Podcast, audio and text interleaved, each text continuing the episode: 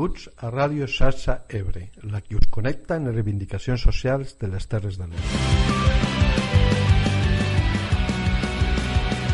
Aquí estem de nou per tractar tot el que ens preocupa en la gent que se n'ocupa.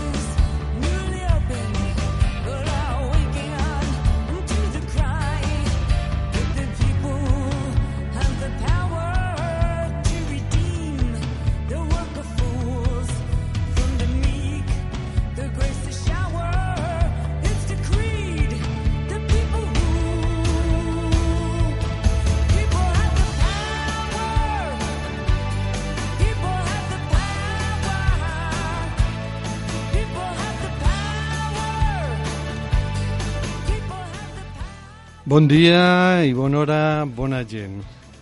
Com esteu? Nosaltres aquí, molt ben acompanyats, per tractar un tema que no podem negar que està de més actualitat que mai. Què entenem per democràcia?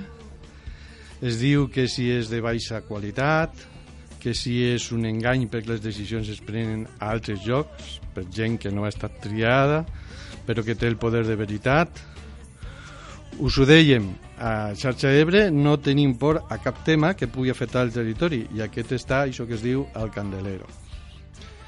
Així que no el defugirem, que no sembli que ignorem certes qüestions perquè són conflictives. En fi, intentarem aclarir-nos amb l'ajuda de les nostres convidades i de Patti Smith en la seva mítica People Have the Power.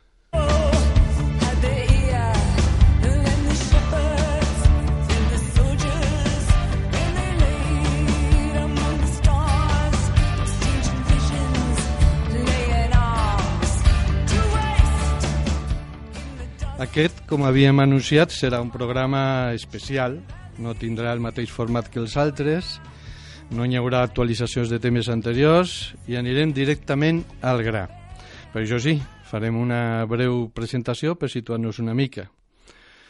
No us esvereu, no parlarem dels grecs, ni de que els inventors del concepte no deixaven participar les dones, ni els que no tenien certes propietats o eren caps de família, ni molt menys als esclaus. No, no, no, tampoc parlarem de la lluita heroica de les sufragistes i dels moviments obrers per ampliar el nombre de votants. Ni anirem cap al segle XVIII, d'on ve aquest individualisme que ho deixa tot a mans dels vots comptats de un en un, i a uns mitjans de comunicació, això sí, en molt poquetes mans, encara que d'aquella pols aquests fangs. People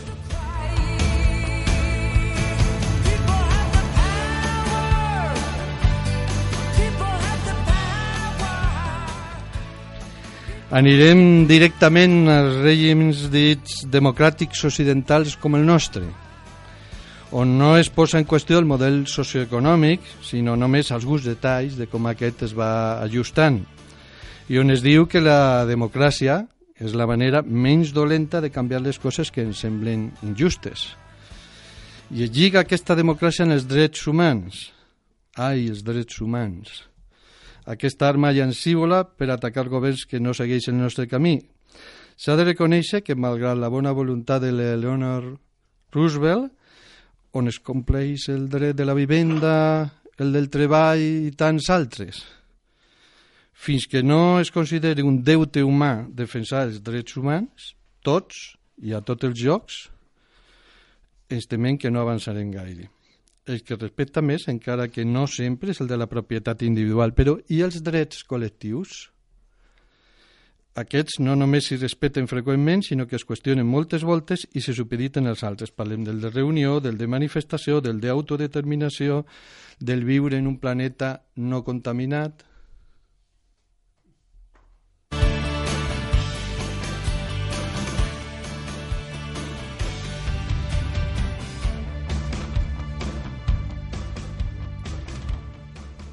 Se suposa que haurien de decidir entre totes les coses importants, com el model socioeconòmic que volem. Però això no toca, no està en discussió. Aquí la llei que mana és la de les multinacionals, la lex mercatoria que diuen els romans, que per cert ja tenia multinacionals a l'imperi romà. Eh? I cuidao, si algú s'atrevia o s'atreveix ara a posar en qüestió aquesta lex. Però, mm, tornem-hi, es diu que la democràcia pot corregir les injustícies pel pes de les majories. De veritat, això és el que passa en les nostres democràcies? Com pot decidir en el mateix grau de llibertat qui està en una situació precària, de vegades tan precària que ni sap què ho és? I qui està còmodament assegurat? Com ens estranya que s'ulgessin tot tipus de clientelismes en aquestes condicions? Què és primer, l'ou o la gallina? Cal més democràcia perquè hi hagi més justícia o cal més justícia perquè hi hagi més democràcia?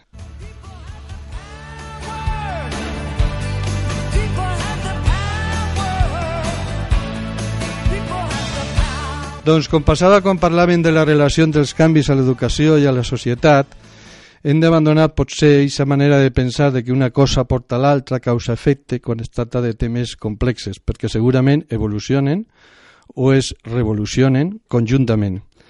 Si tratéssim el que és simple com a simple sense mistificar-ho i el que és complex com a complex sense simplificar-ho, potser evitaríem la manipulació emocional que ens porta a tanta polarització sectària. Ho estem posant massa negre. bueno, això que es diu massa canyero va començar, no?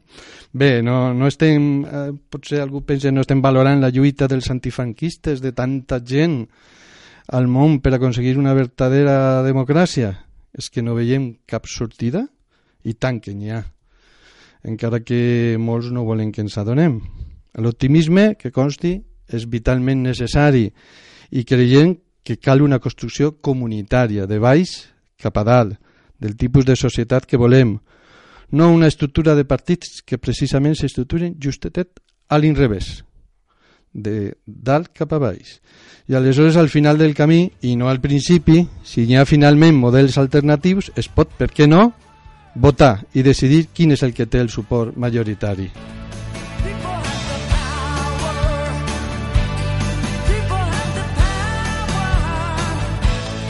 Bé, jo ja us he donat bastant la xapa i com pensem que és des de la base i a la pràctica com s'han de construir els models socials, hem convidat a gent que treballa en l'àmbit municipalista per veure si entre tots, entre totes, es podem aclarir més sobre aquestes qüestions. Us presento els convidades. En primer lloc, Isa Castell, de l'Espai de Reflexió de la Sènia. Bon dia, Isa, i gràcies per venir. Eh, Eva Amposta, alcaldessa del Pinell de Brai. Mm, Bon dia, Eva, i Bon gràcies per venir. Fanny Castell, regidora de Fem Poble i Ulldecona. Bon dia, Fanny. Gràcies. Bon dia, gràcies a vosaltres també. I Batiste Forcadell, articulista de La Ràpita. Bon dia i gràcies per invitar-me. Us deixem un moment en Javier Crae i la seva Ai Democràcia i tornem de seguida per començar. Me gustas democracia porque estás como ausente con tu disfraz parlamentario, con tus listas cerradas, tu rey tan prominente, por no decir extraordinario. Tus escaños marcados a ocultas de la gente a la luz del lingote y del rosario. Me gustas, ya te digo, pero a veces querría tenerte algo más presente, tocarte, palparte, echarte fantasías. Te toco poco últimamente, pero en fin, ahí estás. Mucho peor sería que te esfumaras como antiguamente. Eh, Conta'ns, què és l'espai de reflexió de la Sènia i com pot contribuir a la construcció comunitària de la democràcia? Això que parlem. Sí, sí, agafant les teues paraules introductòries, quan parlaves d'optimisme i de construcció comunitària de baix cap a dalt, és així com va començar l'espai de reflexió. A les passades eleccions municipals, un grup de gent vam decidir eh, fer un programa electoral, però des del poble, no pensant en buscar un partit polític que defensés les nostres idees, sinó començar a mirar les mancances i, i oportunitats que tenim a la Sènia i a partir d'aquí fer un programa electoral per poder-nos presentar a les eleccions com una agrupació d'electors. Això finalment no va poder prosperar eh, per diferents, diferents interessos eh, polítics i al final la gent pues, també vam decidir eh, quedar-nos a part, gent que havia estat vinculada en partits polítics. Jo, per exemple, havia estat com a regidora a l'Ajuntament, però sí que com havia estat ja quatre anys, també vaig decidir eh, desconnectar i, i bueno, mm, durant aquests quatre anys sí que considero que he fet o he ajudat a fer faena, però ara volia pues, una altra manera de, de fer política. I així va néixer eh, este grup de gent del poble, l'espai de reflexió, que al final el que fem és eh, organitzar-nos formalment com a associació perquè mos mou aquesta necessitat de construir un poble millor. Després d'analitzar mancances i potencialitats, volem incentivar un procés de reflexió i debat. Pensem que a la societat això mos falta, un debat obert a tothom, a la ciutadania. Suposo que els partits fan el seu procés de debat i reflexió, però més tancat en els militants, en els simpatitzants. Nosaltres ho volem obrir a tota la població, entre els veïns i veïnes, perquè entenem que la gent ha de ser un agent actiu en la política i a poc a poc pues, anar implementant les accions que puguen sortir d'aquí de l'espai. Us explicaré breument quins són els nostres objectius de l'espai, per una banda, volem impulsar i fer efectiva una manera de fer política més horitzontal, democràtica i participativa, tot centrat en això, no? que la base social té que ajudar a que tot el que nosaltres volem per a una societat millor arribi als polítics que al final són, en aquesta democràcia representativa que tenim, els que ens representen, però realment que totes les idees o tots els impulsos sortien des de baix, perquè és en estem patint viure en una societat eh, pues no democratitzada, no, no feminista, eh, no pensant en els valors socials i, per tant, això, eh, fer-ho tot des de baix. Per altra banda, volem avançar en la construcció d'un poble on la gent pugui viure en més dignitat i qualitat, posant en marxa polítiques feministes i socials. I finalment, com a poble, també ens veiem interpel·lades per allò que ha estat passant al nostre país i per això volem contribuir en la mesura del que sigui possible a la construcció de la República Catalana, pel nostre anel compartit de viure en una societat eh, més lliure i democràtica. Tot això és la filosofia del grup i com ho portem a la pràctica. Pues vam decidir eh, fer assemblees obertes, ens reunim de forma periòdica divendres i dissabte, de forma alternativa, i aquí ve eh, gent molt diversa.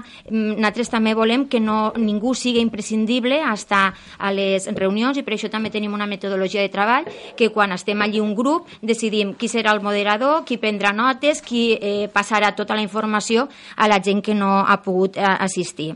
Nosaltres hem triat metodologies de treball molt concretes perquè pensem que els valors socials eh, en la societat s'estan perdent i trimestralment dediquem eh, a aprofundir en valors socials. I, per exemple, este primer trimestre, que és quan hem estat treballant, ha sigut en l'eix eh, del territori, en la sostenibilitat, tenint molt present l'emergència climàtica. I, per últim, fer-vos un esment de eh, quin és el nostre decàleg de treball per a que també la gent se quede en aquesta idea de com volem treballar. I us ho enumero de forma concreta treballar en equip de forma cooperativa, confiar en la comunitat, per tant, posem molt de valor en este valor social de cooperació, però una cooperació real, no dir-ho que sí, sí, mira, treballarem, però serà un qui ho liderarà i tot, mm, i prou. No, nosaltres volem realment treballar en cooperació. Segon, eh, treballar per a la igualtat i l'equitat. Tots som diferents, però hem de tenir els mateixos drets, per tant, la igualtat en aquest sentit de que som diferents, però a la vegada tenim que buscar els mateixos drets i, i llibertats. 3. Treballar per la República Catalana, per una societat més solidària i ètica. 4. Treballar activament i de forma altruista en el desenvolupament de la comunitat, voluntariat de proximitat. Eh, això ho tenim molt present, nosaltres no tenim cap interès econòmic ni interès de posicionament social, res, és treballar de forma altruista. Eh, Cinquè, treballar amb esperit crític de forma constructiva eh, i respectar i fer-se respectar. També pensem que a la societat falta aquest esperit crític, per això pot ser, després ja ho parlarem, eh, la crisi de la democràcia, que sí que tenim la possibilitat de votar eh, quan hi ha eleccions, però realment la gent sap el que vota, sap a les persones que està votant què faran eh, per ells o per elles. Eh, sisè, eh, fer treball de camp, per tant, investiguem i, i mirem de, de fer propostes, però sabent el que ja s'ha fet per no duplicar. Eh, gaudir del que estem fent, pensem que això és molt important, eh, igual com està avui aquí, és disfrutar del moment i, per tant, la felicitat és un valor que també defensem. Innovar i orientar-se per al canvi, eh, per això cerquem noves possibilitats, està la innovació, tenir una visió àmplia del poble en clau de territori, globalitat, per això també estem en contacte eh, al Consell Comarcal, si està en funcionament l'acord eh, territorial on hi ha eh, mm, comunitat educativa, empreses i administració, també estem aquí, a nivell de territori també ens estem movent i pactar en tots els agents implicats, volem això també, al final concertació, perquè no ens podem quedar aïllats al poble, sinó que també volem estar molt en col·laboració en tothom. Resum. Moltes gràcies, Isa. Bueno, vaig amb tu, Eva. Molt bé. Bueno, tu ets una alcaldessa molt jove, 26 anys, i tinc entès que formes part d'un grup ampli, no? Eh, gent d'esquerres, però Mhm. amb maneres de pensar bastant diferents, i heu aconseguit eh, posar-vos d'acord, teniu ara mateix eh, l'alcaldia, voldria que ens expliquessis una miqueta com ha estat el procés, com hem arribat a aquests acords, A veure, eh, crec que prèviament s'ha d'explicar una mica no, com, com arribem a un lloc, no, d'on venim i, i per què estem on estem actualment. Llavors, eh, nosaltres formem part d'una candidatura municipal que es diu, que es diu Entesa pel Pinell. Eh, Entesa pel Pinell no és la primera vegada que ja participàvem en unes eleccions municipals, ja veníem de dos candidatures anteriors, una també en Entesa i una anterior que es deia Progrés Municipal, i neixem una mica de gent compromesa a nivell de municipi, de gent eh, de carrer, de gent que ja mos havíem trobat en molts espais, en molts àmbits, eh, probablement en el cas de la Terra Alta, sobretot en el que seria la defensa del, del territori, havíem coincidit en tots aquests espais, i a partir d'aquí pues, sí que s'obre les portes a, a una candidatura municipal. Jo podria explicar més la, la última part, perquè és evident que, que en estos inicis pues, jo no estava, sóc més recent, però sí que, que hi ha una trajectòria de diferents candidatures i de fa dues legislatures que sí que s'aconsegueix entrar en un govern de, de l'Ajuntament del Pinell, en aquest cas. Llavors, evidentment, hi ha moltes coses relacionades en, en el que s'ha comentat anteriorment, en gent que compartim tot aquest esperit crític i que, per tant, ho intentem aplicar també a lo que seria la vida política i a l'acció municipal, que al final és una acció política molt directa, en molt contacte amb els veïns i també pues, que molt visible, podríem dir. Moltes gràcies, Eva. Bueno, Fanny, tu ets la de casa, de Cona. Explica'ns una mica fent poble Ulldecona, com va sorgir, què és... Uh, una mica mm, parlem tots una mica el mateix llenguatge, no? I, i probablement eh, és lo que és, és lo, lo, lo punt central, no? La democràcia és un terme molt ample, podem estar aquí debatent moltes coses, és molt complex, però els problemes estos tan grans, probablement, quan, quan els vas portant a petitet, petitet i, i a coses més reduïdes i més comprensibles, és quan eh, veus que en, en realitat la base és senzilla. Després les complicacions les afegim i es van afegint pel camí. I en aquest aspecte, mm, bueno, pues la taula esta és un goig, no?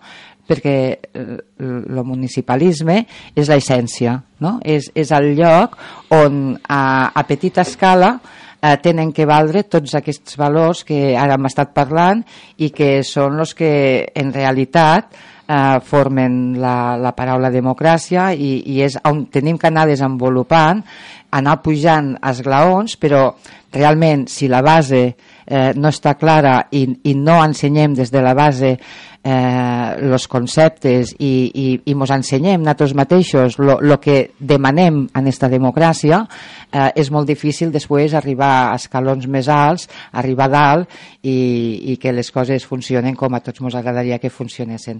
Probablement els, els pobles petits, com, com aquí estem parlant, pobles on la gent ens coneixem molt, eh, que molts de projectes neixen precisament el que estàvem dient, no? per, per projectes compartits, molt diversos i, i que fan, eh, bueno, ajunten una sèrie de, de, de, de, de, de persones que tenen unes inquietuds, eh, normalment sempre mouen gent en inquietuds pe- en, en molts d'àmbits i que en un moment donat pues, se troben en un projecte polític. És una mica eh, el que va passar en Fem Poble. Eh, hi havia una idea inicial que no va funcionar i finalment eh, en, en tota una sèrie de gent que s'havia parlat per encetar un projecte il·lusionant de maneres diferents de, de, de fer les coses a part de, de eh, est- estem clar, si parlem de les necessitats que pugui tindre un poble en concret, tothom eh, podríem fer una llista on coincidiguéssim eh, molts dels projectes que tots veiem. Després ve la forma de, de portar a cap aquests projectes i aquí és on probablement hi ha variacions. Eh, en la sèrie de gent que ens vam trobar vam encetar un projecte eh, evidentment molt, molt il·lusionant on tothom eh, tenia coses per aportar i tenia ganes d'aportar coses i este és la base de, de tot projecte. A partir d'aquí anar desenvolupant i que cada cosa que, que pugues decidir eh, sortigui d'un debat d'un debat on hi haguen pros, on hi haguen contres i evidentment, finalment tens que prendre una decisió i que el temps al, finalment acabarà dient si ha estat més encertat, menys encertat però que eh, el debat i, i la participació de la gent és on rau la, la veritable eh, eh, valor que, que volem ficar en, en, en, aquí damunt la taula. Eh, no es tracta de cada quatre anys anar a votar i després la gent que es desentengui perquè per això els hem votat, no? que decidisquen ells, sinó que les coses que t'afecten tan directament a tothom, eh, tu tingues alguna cosa per a dir abans de que este projecte vull dir, tiri endavant i, i, i conforme la realitat que finalment viurem tots als, als nostres municipis i això és una mica el que en- entre tots tenim que, que saber eh, entendre que eh, molt sovint, i, i jo, mm, jo m'acuso, eh, donem la culpa als polítics, però també molt sovint també tenim que, que parlar en nosaltres mateixos i dir eh, exigir això prou, perquè es tracta d'això, es tracta d'exigir a la gent que tu has escollit, després mm, mm, tens que estar demanant que compleixi i que, i que, i que faci les coses com te van dir que les farien. I a la millor en alguns moments no són prou exigents. I, bueno, mm, una mica per aquí anem, no? Anirem entrant. Moltes gràcies, Fanny. Eh, Batiste, t'hem deixat a tu pel final, per això de que ets articulista, així que fas aquí ara un comentari. Ara que m'estava donant, i sincerament no ho sabia, però que tots heu estat, o sou, o heu estat regidors, perquè tu també vas ser Sí, regidor. sí, jo vaig ser regidor de la Ràpita fa, fa 4 anys. Molt bé, doncs com veus aquest tema de la democràcia, el que han dit les companyes i la teua pròpia experiència? Bueno, jo és que la veritat jo soc molt crític, no? A mi m'agrada les persones de, de carta liberal. I la veritat, i, i, a les últimes eleccions municipals a mi em va, me va, me va xocar molt els resultats de les Terres de l'Ebre. De 52 municipis, 42 majories absoluta. Independentment del partit que fora. Dius, això és per a reflexionar.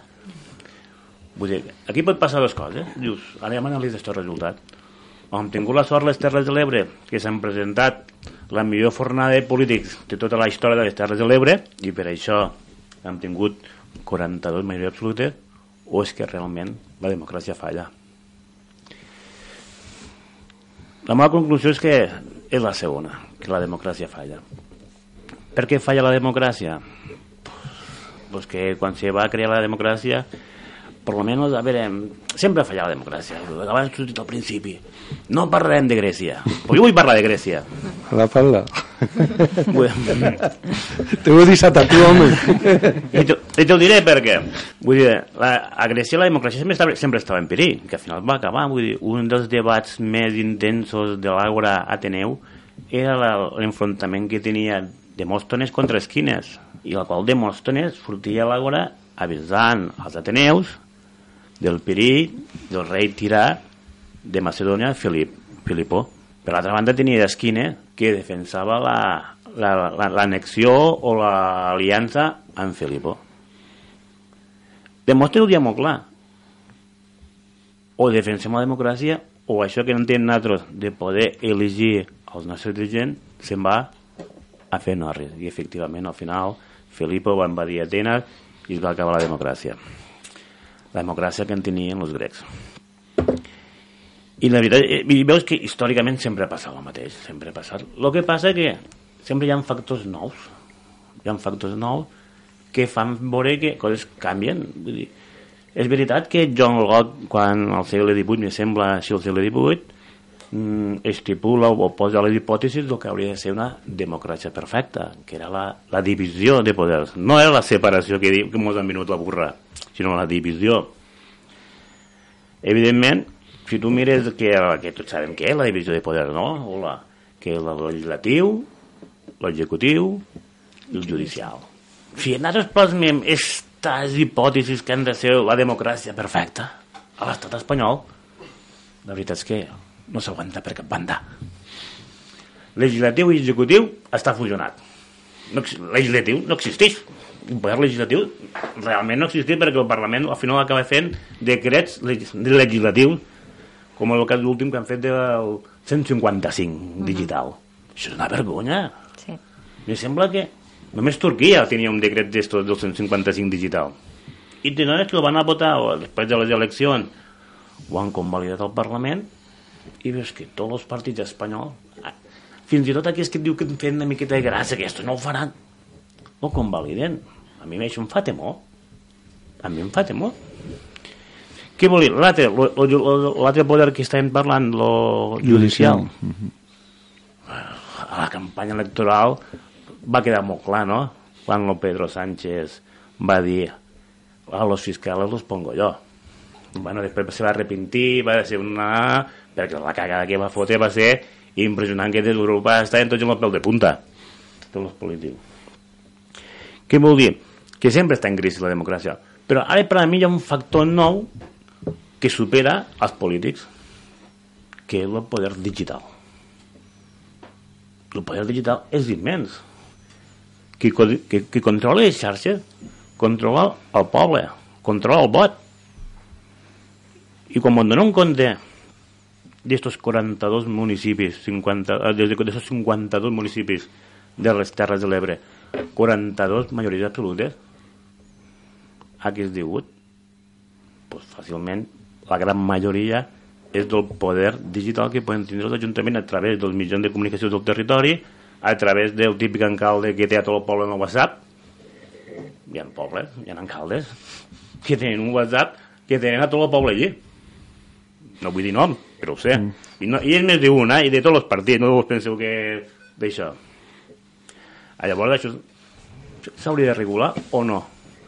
Claro, el meu escepticisme, arribo aquí i, i sento parlar a les tres companyes i una mica de, de llum veig, dic, potser no sóc tan pessimista, potser que, hi ha, que brilla algo dins de la foscor. I, i quan veus espais, tipus l'espai que diu de, de reflexió de la sínia, pues, un recupera la il·lusió. O fins i tot quan veus a sentes a, a Eva d'Amposta, l'alcaldessa del Pinell, veus que, que, que és una política diferent, no? Vull dir, que, que intenta trobar... que surt del, del, del, del, del, del que nosaltres coneixem del polític de poble o el polític alcalde, que és el que diu el partit, el que diu el partit, i para de comptar, sinó que busca realment contactar amb la gent del carrer. I quan sentes, a, per exemple, a, a la nostra amiga Fanny, pues, a més que avui de cona també és d'aquelles majories absolutes que dius impressionant, que- d'acord, jo no sé com no se'n va cap a casa i diu aquí vos quedeu tots.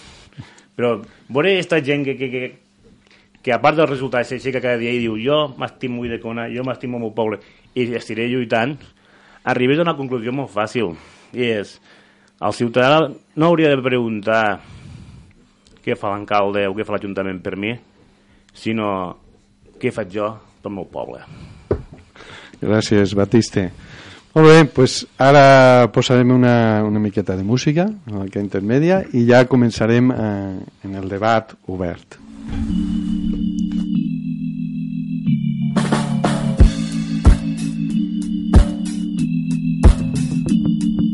Esteu escoltant Xarxa Ebre, la que parla del que ens preocupa amb la gent que se n'ocupa. acciones,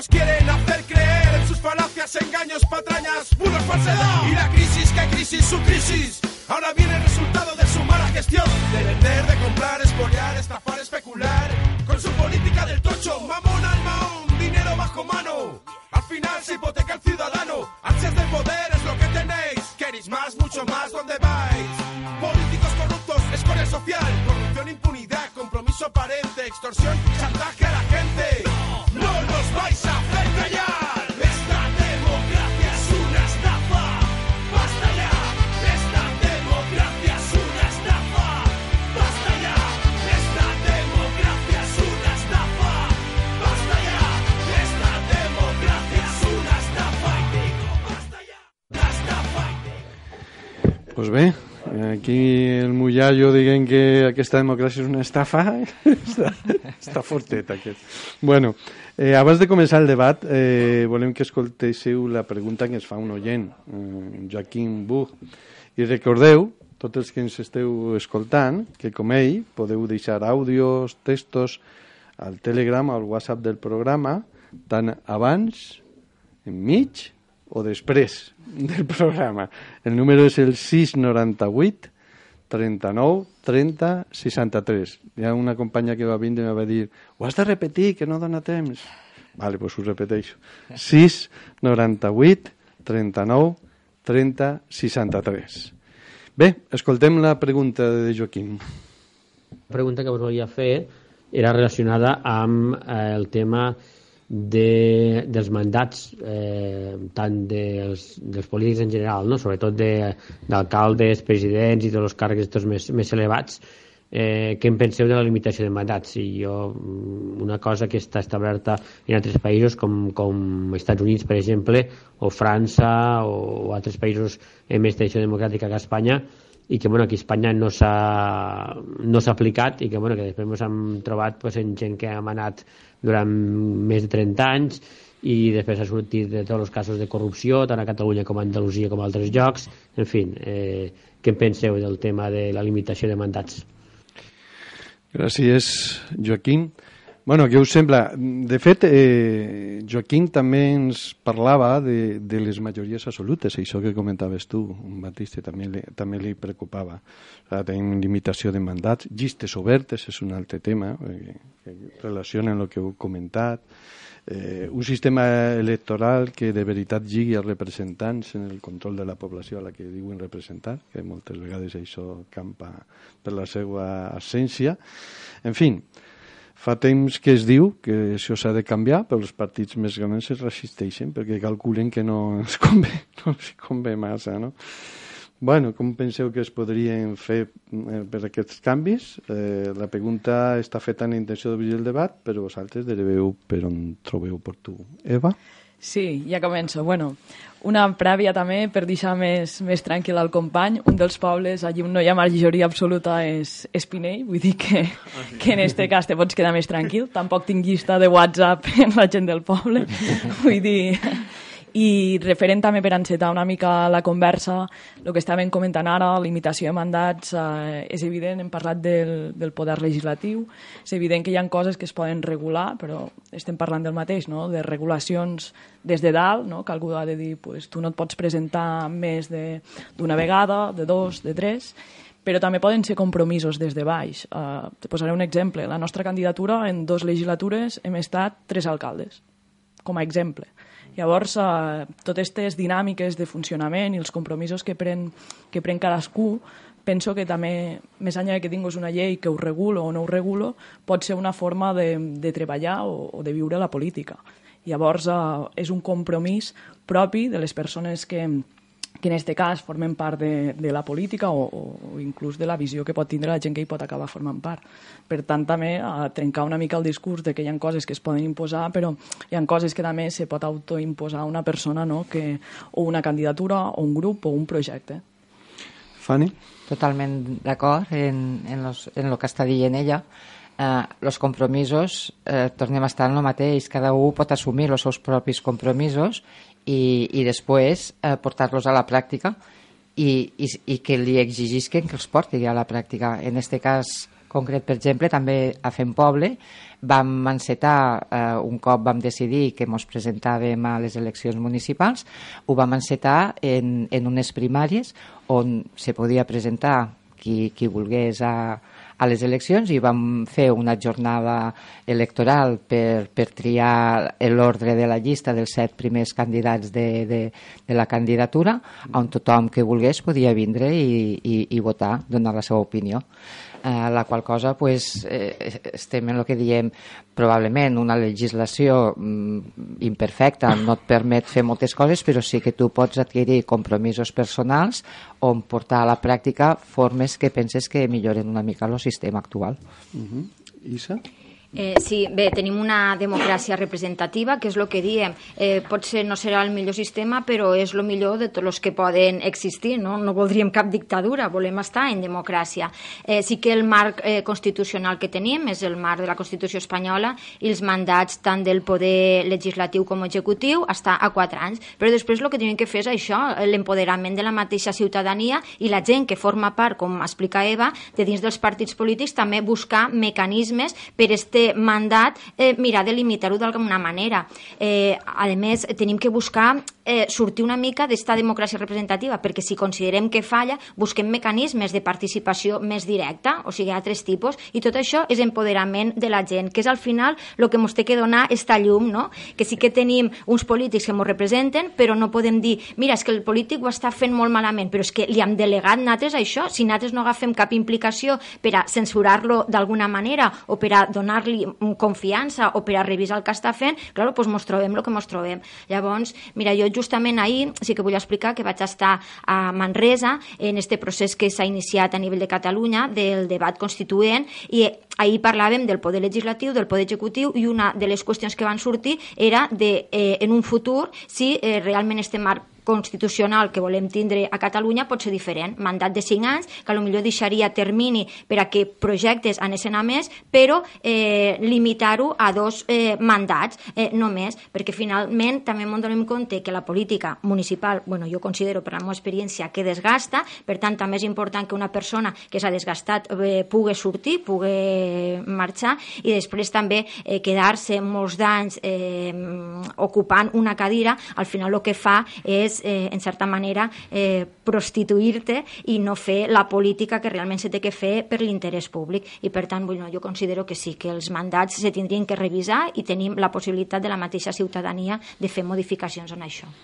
De fet, nosaltres ho estàvem comentant abans, perquè dèiem, bueno, a veure, moltes vegades hi ha eh, determinats polítics, no?, que en el seu moment van tindre un recolzament important de la població, però que ho van perdent i al costat seu tenen una sèrie de gent que, vamos, anem a dir, els adula o, o viuen una miqueta del clientelisme, el que sigui, que es fan com una, com una muralla, no? I aleshores ells no veuen que ja no tenen el suport, no?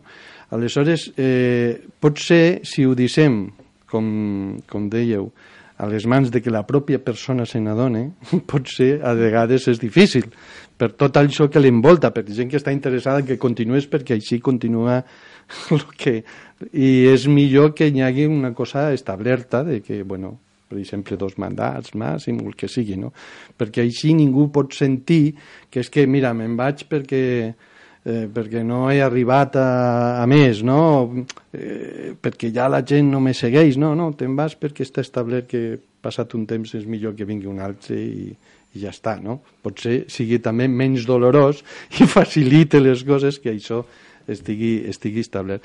Però bueno, Sílvia, eh, la companya de l'equip, ha fet com una, ha fet una anàlisi, un recull d'informació sobre altres experiències que ens poden inspirar una mica, a banda de les que hem vist aquí, aquí a la taula. Eh, Bueno, Sílvia? seguint, seguint el que dia Isa sobre democràcia representativa, eh, la democràcia representativa està bé, però sempre podia estar ajudada eh, per la democràcia participativa. Per exemple, si parlem del món occidental, a Suïssa ja fan mínim eh, quatre referèndums a l'any. A més, eh, està la iniciativa legislativa popular. O sigui, el poble pot arribar a derogar una llei si reunissen eh, més de 50.000 firmes i en un espai de 100 dies des de que la llei se, se promulga. O sigui, seria un change.org, però efectiu, diríem. Eh, també l'estat de Cali... Vinculant. Exacte. Eh, també l'estat de Califòrnia té una democràcia participativa. Ara, no sempre surt eh, el que a nosaltres ens agradaria. Per exemple, l'any 2012 es va fer un referèndum on se va aprovar una altra vegada la pena de mort. Eh, també a Itàlia, o ja com a anècdota, a Grècia l'any 1974 eh, se va fer un referèndum que va representar la fi de la monarquia del rei Constantí com a anècdota germà de la reina emèrita espanyola. Vull dir que les democràcies participatives s'aconseguissin coses i són una manera de, de gestionar països grans, com pot ser Grècia o, o Suïssa. Què opini... Batiste? Bueno, aquí, abans de tot, vull dir, voldria fer un incís d'allò de la, per la, el límit de mandat. El límit de mandat naix als Estats Units quan el president Roosevelt se mor. I el- els legislatius i els demòcrates se'n donen compte que si s'hagués tornat presentat després de mort, hagués guanyat. Va ser la persona, una figura que va treure de la, de la crisi, de la recessió del 29 en les seves polítiques keynesianes, que al final els americans molt de liberals però són els primers en fer polítiques keynesianes.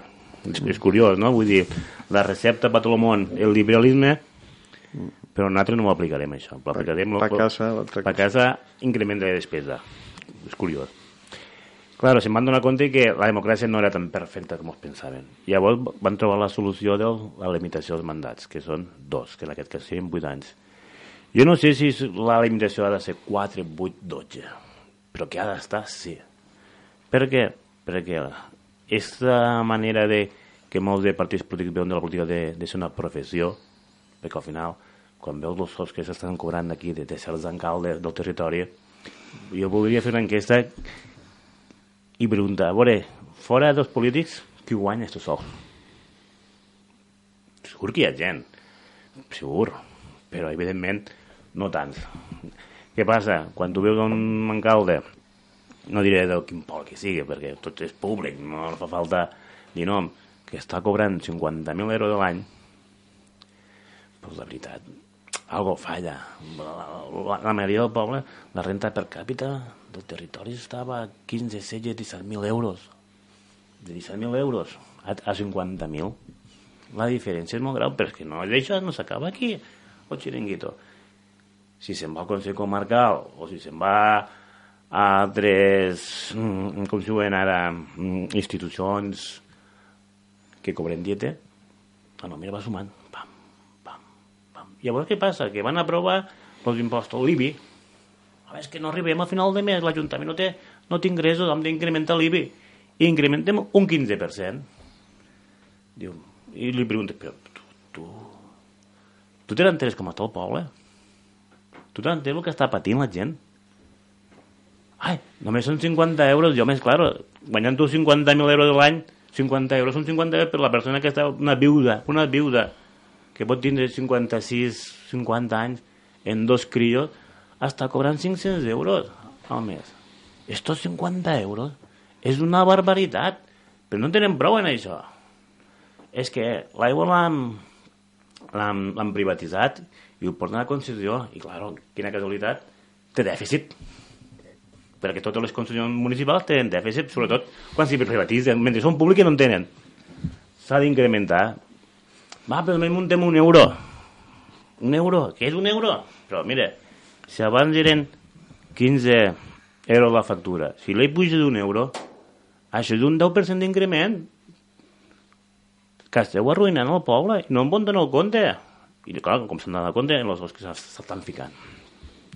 Per tant, a part, te'n dones compte que al final està, està que poden estar tants anys repetint, repetint, se crea corrupció, se crea clientelisme, el que dius tu al principi, no? Tan voltes de, de palmeros, si són els palmeros que li diuen ho fas molt bé, que he parlat en informació i tal, i diu que et votarà, i ho fas molt bé. Però al final el que estàs fent és, és corrupció. És corrupció legal, si voleu, i altres no tan legal. També és veritat, com el CUP. El CUP només un mandat de 4 anys. Te'n dones compte que tampoc és massa... El temps és molt limitat. Molt limitat perquè s'han trobat que de lidera- lideratges tampoc abunden al territori. Per tant, 4 per a mi seria molt curt i hauria d'estar entre 8 i 12, més que res, pues, perquè la democràcia sortiria guanyant. Entesos, limitació de mandats i limitació de salaris. Per cert, això ja està la limitació de salaris, eh? Ho va aprovar Rodríguez Rato eh, quan va vindre la crisi de immobiliària del 2007 van tindre que ficar una limitació de, de salaris perquè hi havia ajuntament tipus població Uidecona que se n'anaven a cobrar 120.000 euros. Però potser eh, la, el salari hauria d'estar en relació al salari mitjà dels representats. dels representants. Això ens asseguraria que tampoc se'n va massa de la vida quotidiana de la gent. I I t'asseguro que si no cobresen tant, d'impostos no en pujarien tant. Crec que Fanny, volies dir? Sí, eh, que mm, tot és cert, tot el que dius, però el que també passa és, és una mica el que venim dient des del començament.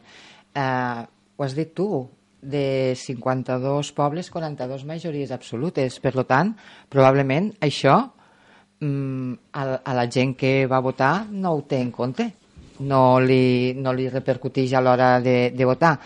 Llavors, jo crec que els projectes que estem explicant aquí és on realment volem introduir este canvi, que la gent aprengue a ser crítica, aprengue a que les decisions de, de les seues comunitats han de ser compartides i que mm, no perquè tu hagis votat en aquella persona, aquella pers- persona pot aplicar el criteri eh, sobre tota una comunitat que en coses segur que seran encertades, però en, en coses poden no ser encertades i en qualsevol cas han de ser compartides.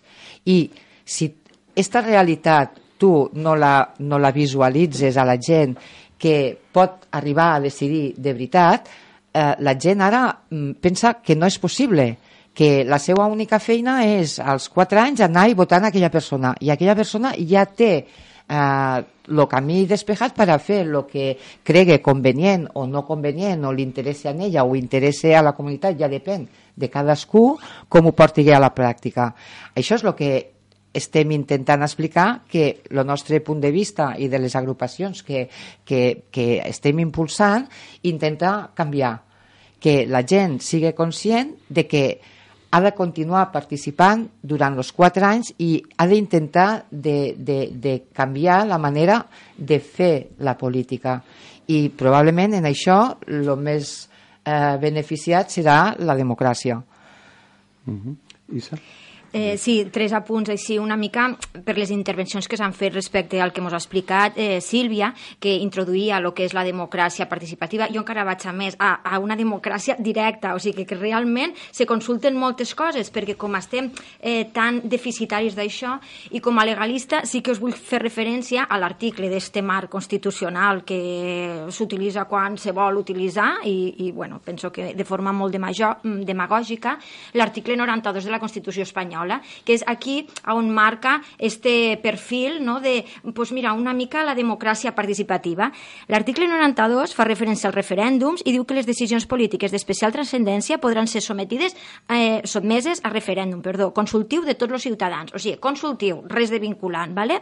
A més, eh, pensem, el referèndum serà convocat pel rei mitjançant proposta al president del govern prèvia autorització del Congrés dels Diputats. O sigui, ja tenim poder legislatiu, Congrés dels Diputats, poder executiu govern i, a part, esta figura del monarca. Un munt de filtres perquè no Sí. arribi mai. eh? Al sí, final, o sigui, no, el el que tenim, saps? sí que tenim que fer creure a la gent que podem eh, fer mecanismes de participació, però en este marc constitucional que tenim, per això empoderem la gent per a que realment hi haguen canvis. Respecte al que dia el company Batiste de la professionalització de la política, a veure, eh, jo, en tots els respectes, dic que un un polític o una política al municipi no podem pensar en professionalitzar-nos, perquè és política municipal i té que ser política molt vocacional. I després, si hi ha polítics que realment se volen dedicar a la política, que volen eh, pujar a altres instàncies, per favor, que primer passen un test de valors morals. És igual com als professors se'ls té que demanar que realment tinguen vocació, als professors de, de les escoles, de primària, secundària, tinguen una vocació realment d'ensenyar, d'educar, doncs els polítics també que comencen per fer un test de, de valors socials i que siguin exemple d'esta moralitat. I per tant, llavors després que elegisquen eh, com a professió ser polítics. Per tant, eh, mandat jo penso que s'ha de limitar. Sí que parlava jo d'un mandat de 5 anys perquè a lo millor projectes que se van engegant a nivell de poble, penso que en 5 anys a lo millor mm, donaria temps a iniciar el projecte, o sigui, a fer un, una reflexió per treballar aquest projecte en comunitat, a posar-lo en funcionament i una mica més de temps al final per acabar de consolidar i que no passen estos 4 anys i si canvia l'Ajuntament, este projecte que s'ha treballat durant estos 4 anys i que no hi ha una continuïtat perquè no hi ha un regidor o una regidora que ho continua, se queda un calaix i ja està. I després també això que la gent eh, poguéssim dir, mira, és un polític que ha fet la seva faena, però realment mos ha representat els nostres interessos, perquè lo polític no és eh, estar allí perquè rep unes palmadetes i unes votacions, sinó perquè realment el programa, en la confiança que li ha donat la gent, l'està desenvolupant de forma correcta. I si no, eh, acaba a casa, no per les palmadetes ha de continuar i prou. Gràcies. Eva?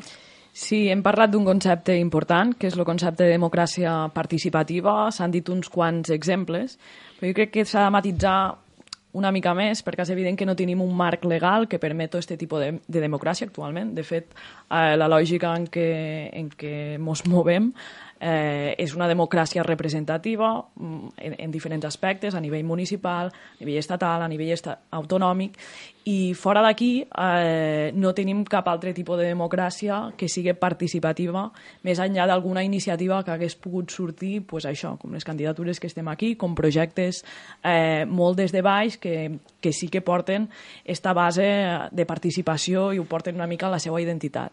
Llavors crec que per a, per a poder transportar tot això, esta participació a dintre del que seria el model polític, evidentment crec que abans s'ha de fer un gran aprenentatge. La gent ha de saber què, nosaltres també, o sigui, tothom hem de saber què significa participar i s'hauria d'acceptar unes normes comunes de com participar. És evident que no hi ha tant, però és que ni tan sols tenim la cultura de la participació. Moltes vegades obrim a participació, sotmetem coses a participació i, i passen per una enquesta de Twitter o per una votació telemàtica. I això no és participació. Sigui, participació implica molt, molt coneixement, molta implicació i, evidentment, poder transportar això en un àmbit polític pues és un treball a llarg termini, no perquè ho posem en un programa electoral de farem quatre referèndums a l'any, pues siguem participatius. No. Eh, llavors crec que este concepte de, de democràcia participativa és una cosa que s'ha de construir, que evidentment s'ha de construir des de baix i que quan la gent s'empodera, quan la gent diu eh, no, no, jo és que no vull triat a tu per a que faigues una cosa, sinó que jo vull participar i ho vull fent tu, és quan realment hi ha canvis i, i es, pot, es pot remoure no, esta base social per dir jo no vull representant, sinó jo vull ser partícip o copartícip de, de com funcionen les coses i com se prenen les decisions. Per tant, eh, sí que penso que s'ha de fer aquesta reflexió prèvia perquè si no, no hi ha democràcia participativa en cap dels àmbits. Bé, el, el tema donaria per a molt, però anem arribant eh, ja al final del programa. El que sí us diria, si voleu, fem una ronda ràpida, curteta, per si alguna cosa s'ha quedat al tinter que voleu dir com a rúbrica final. Qui vol? Qui té alguna cosa pendent de dir? Isa, tu mateix? Jo més que res que al final, o sigui, també lligat en el que ara dia Eva, que esta cultura de participació té que estar, esta cultura del diàleg, i tot això penso que eh, està al nostre abast en el sentit de- d'educar. De, sí que sé que l'últim programa que vau fer vau parlar d'educació i penso que és molt important que en aquestes generacions presents i a les generacions futures treballem això, que realment hi hagi este sentit de l'educació perquè eh, tot i el que dia Batista al principi de que eh, les xarxes socials eh, fan que, que la democràcia falla no? per el poder que pot haver en les xarxes socials també i en tots els respectes, la ignorància de la gent eh, també fa que moltes vegades democràcies fallen, perquè si anem a les eleccions i votem eh, sense veure realment el programa electoral o sense conèixer realment aquell projecte, ostres, això fa que després ens trobéssim en decepcions. Llavors, bueno, insistir en l'educació perquè eh, l'educació al final pot fer que canvien moltes coses i en este cas, en la, en la vessant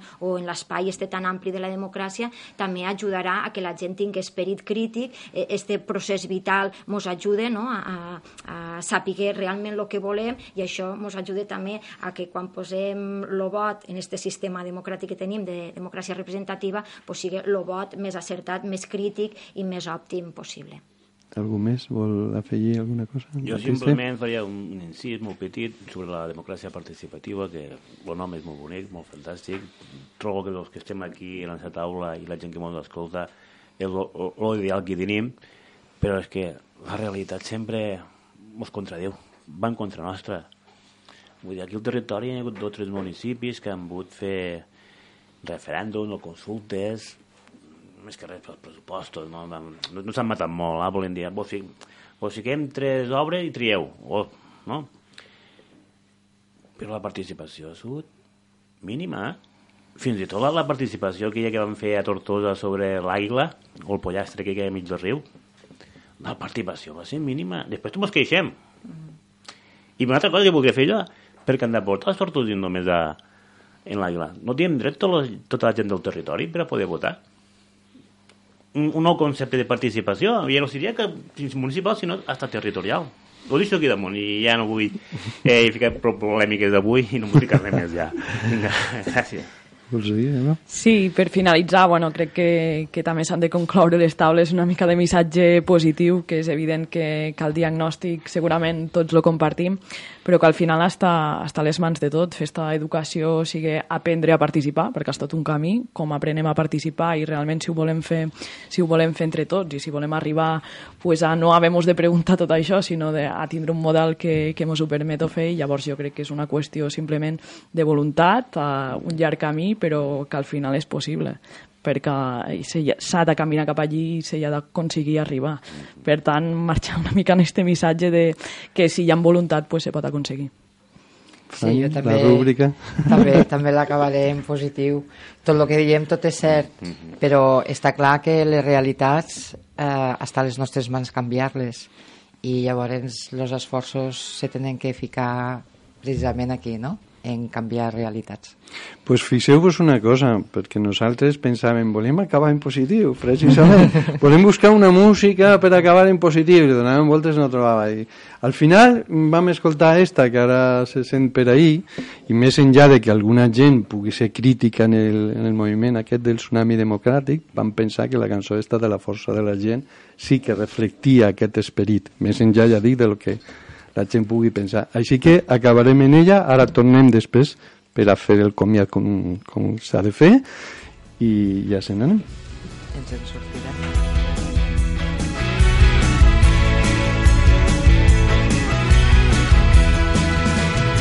Som la gent que no es resigna, la que mai no desespera. Som tossuts, som insistents quan tot és tan urgent. La resposta són los altres.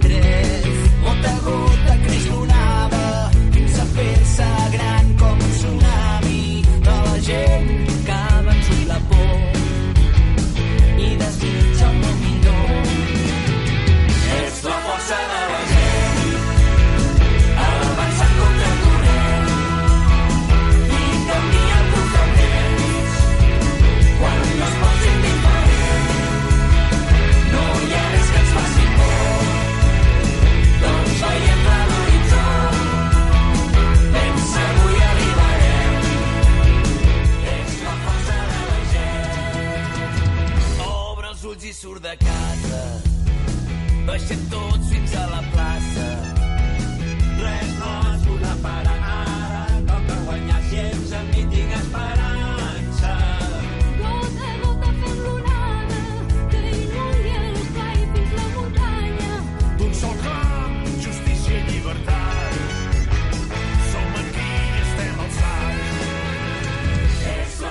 Bueno, pues moltes gràcies a Isa Castell de la Sènia, a Eva Amposta del Pinell de Brai, a Fanny Castell d'Ullecona i a Batiste Forcadell de la Ràpita de la part de l'equip de Salsa Ebre, Sílvia Figueras, Juan Carlos Fibla i el que us parla, Vicent Prunyonosa. Us esperem el proper programa, que serà el gener, sobre especulació a la Terra Alta.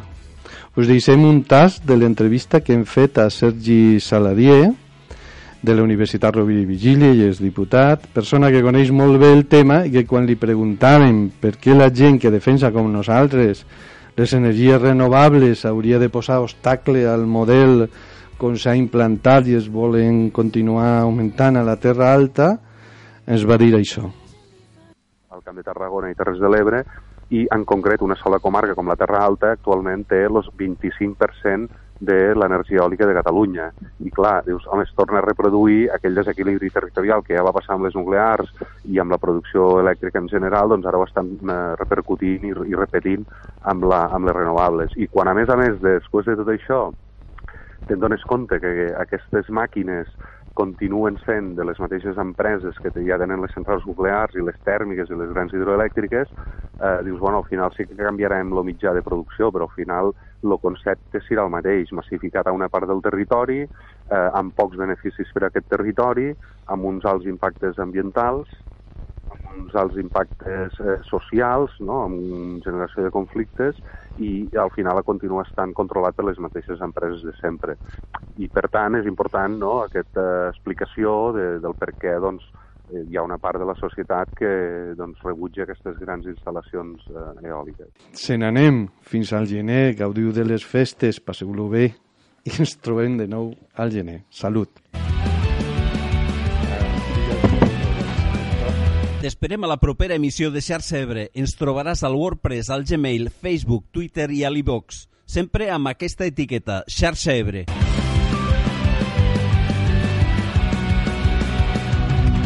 No oblides subscriure't, sabràs les dates i els convidats dels propers programes. Fins aviat, seguim fent xarxa.